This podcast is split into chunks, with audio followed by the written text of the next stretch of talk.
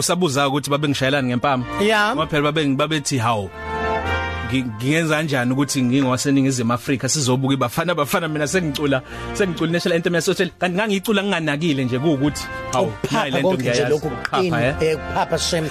And besides nje Australia uma kuziwa ngezomdlalo ayidlali iyadabulana Bulana. iyahlulana yonke indawo. Kuthiwa khona unyaka la khona prime minister wakhona wafike wathi nje yazini yonke into phansi sigcila nje kwezemidlalo. Netball by number 1 in the world. Kuyiqiniso lokho nyamboza? Ngeke ngizobesho njalo nami mfowethu angazi kodwa hayi adlala Australia oh ayidlali. Netball hockey rugby uh, cricket, cricket. Yonke yonke into. into. number 1 in the world. Number 1 Siyabingelela malusi mthetho simbingelela ule eAustralia. Kuliphi idolobha mfowethu? Seduze nedolobha kuthiwa i-Adelaide kodwa ngihlala kulona elincane kuthiwa i-Port Pirie. Oh wow. Port Pirie. Adelaide. Port Pirie indawo enjani? Isemakhaya eh, noma isedolobheni noma iselokishini? Amalokishi awekho lapha njomane eh ku- babiza nge-country town.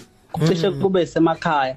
Uyabona nje makwenzela umzekelo ngathi indawo yabona idolobha kuthiwa kwambonambi kanje elincane Ngiyalibona. but inayo yonke into edingayo mawusuka Yeah, empangeni ubheka amakhaya- intoba yebo into kanjalo nje but lihlelekile na yonke into edingayo uyayithola So eAustralia manje ngiyacabanga ukuthi nabo ba- ba- isebusika njengathi la eSouth Africa right? yes kusebusika kuyabanda Yeah, isikhatsini khona manje. njengamanje awuthi ngicheck eh, u quarter past 8 ebusuku All right. No. yebo se- okusho ukuthi ni phambili ngamahora awu9 noma awu8 kunathi ngoba kuthini ukora to 1 into kanjalo nje siphinde sihlehle isikhathi la kwesinye isikhathi siphinde sihlehle siphinde siye phambili kwesinye isikhathi. Kodwa kwamanje awu8 kuzothi mase khamba isikhathi sonyakeni bese siya phambili bawu9 futhi. Kanjani? Awuyeni. kanjani? Kunesikhathi siya- siyatshela sonke kuthiwa isikhathi siyashintsha si at the hour. Eh kakhulu kakhulukazi uma ba- bathi basave isikhathi lapho kukhanya khona so bese Oh. at the hour ke uyabona Eh, into kanjalo nje So kusho abantu iyangidida nami ngisafika So akujuza abantu ba- mabefika eStrela behlezi bedidekile oh ki- ki- sek- sekuyadidekwa nje kuyadidekwa nje. hayi kuyadideka kuphela dideka kuphela uhambe phansi Oh wow, akusenani. So uwenzani ke eAustralia yini le owahamba oyifuna eAustralia engekho esingenayo nathi la eningizimu Africa? umfana wasuka kwesaka mthetho eAustralia ubekwa yini ngempela? Ngasho nje mfowethu ngithi ngiparamedic umsebenzi wami engiwenzayo. Oh wow. kukhona ya kukhona e- e- e- e- e- eSouth Africa ukuba iparamedic kodwa angazi ngayichaza kanjani lento ngendlela ezoba yinhle. Indlela aba abasinakekela ngayo emazweni angaphandle ayifani nendlela esinakekela ngayo eSouth Africa. Ngiyabona. sengisho ukuthi ke maqondana nephakethe nani nendlela aba- abenza ama package akhona abe mahle ngayo.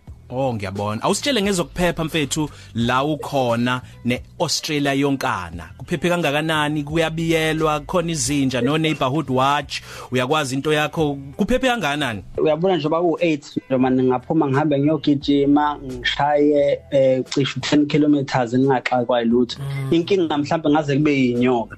Abantu akuyona into engaze ngithi ngiyisaba kakhulu. Noma kukhona ubugebengu kodwa abubuningi ngaleyo ndlela. Ngeke ngiqamba manga kuyashiyana indawo ngendawo ezinye indawo ziba nabo. Into ebaxaye kakhulu la eAustralia i- idakamizwa izibaxaye kakhulu ekengeni lencane. Akuphephile khona kakhulu. Abantu besifazane ba right aba aba aba- aba abayitholi sebe sebe nokubezwa nga- nga- njengoba kwenzeke ebuzana Mm so uyasho ukuthi indaba yabantu Yeah. besifazane kanye nedakamizwa kanye na- na- na- nabantu kanye nokuphepha kwakhona. Kodwa sike sabona futhi sake seza namahebezi ukuthi Australia um a- a- abelungu bakhona ba- ba- ba- Ubandlululo. banobandlululo kakhulu Eh, eh, ikhonto enjalo oh. ngathi ekuhambeni kwami eh, ey'ndaweni ey'hlukene ubandlululo lukhona yonke indawo kodwa ngiya- ngiya- ngizwe sengathi umzansi i- iyona mboni yobandlululo ngendlela olujule ngakhona lwa semzansi kunolwala olwalana lu- lu- lu- lu- lwenza isamari A- a- a- alugxili kakhulu awu- awuqondi kahle noma ubandlululo noma kwenzakalani. Ukuthatha isikhathi ukuthi uzwe ukuthi njengamanje sengibhekene nobandlululo ke manje. Kodwa ke engiyeke ngikuthole isikhathi esiningi ukuthi ngoba ngi- ngikuleli dolobha eli- elingaphandle kwedolobha elikhulu elincane aba- abajwayele abantu aba- aba- abaneski- abanesikhumba esifana nesami esithe uba mnyamana Yeah. yabona bese be- bese beyangixwaya-ke kwesinye isikhathi kodwa-ke kuyajwayeleka. Asikhulume ke manje ngemali kusetshenziswa yipi currency uma mina ngiphuma no 100 rand wami ngiye Tiromo ngizothenga isinkwa ubisi eh u half a dozen wamaqanda wena yini ongabuya nayo? Imali yala ibizwa ngedollar iAustralian dollar ayifani yasemali neyasemelika.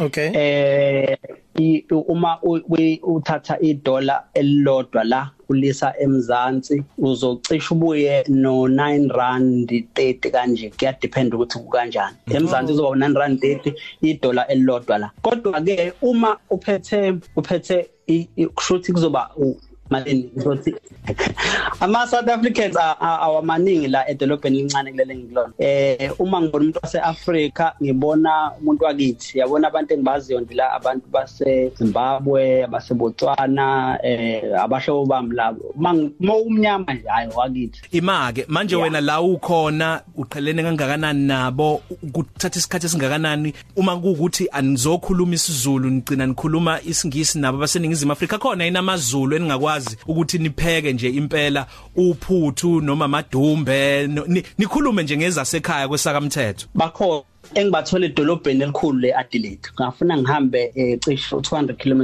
ukuze ngifike khona. Bese siyakhuluma ngesiZulu lapha sihlale nezinsizwa zakithi sixoxe sidle inyama yabona kube kuhle kube nje bese Oh, kufanele nice. ngibuyele ke nami ngekhosombeni lami. Yabo mawuthi sixoxe sidla inyama kube ngathi se hostela kanje. Oh wow so cute. Mamela uma senithola ke indawo mhlawumbe zokuyithokozisa mhlawumbe zokugroova ku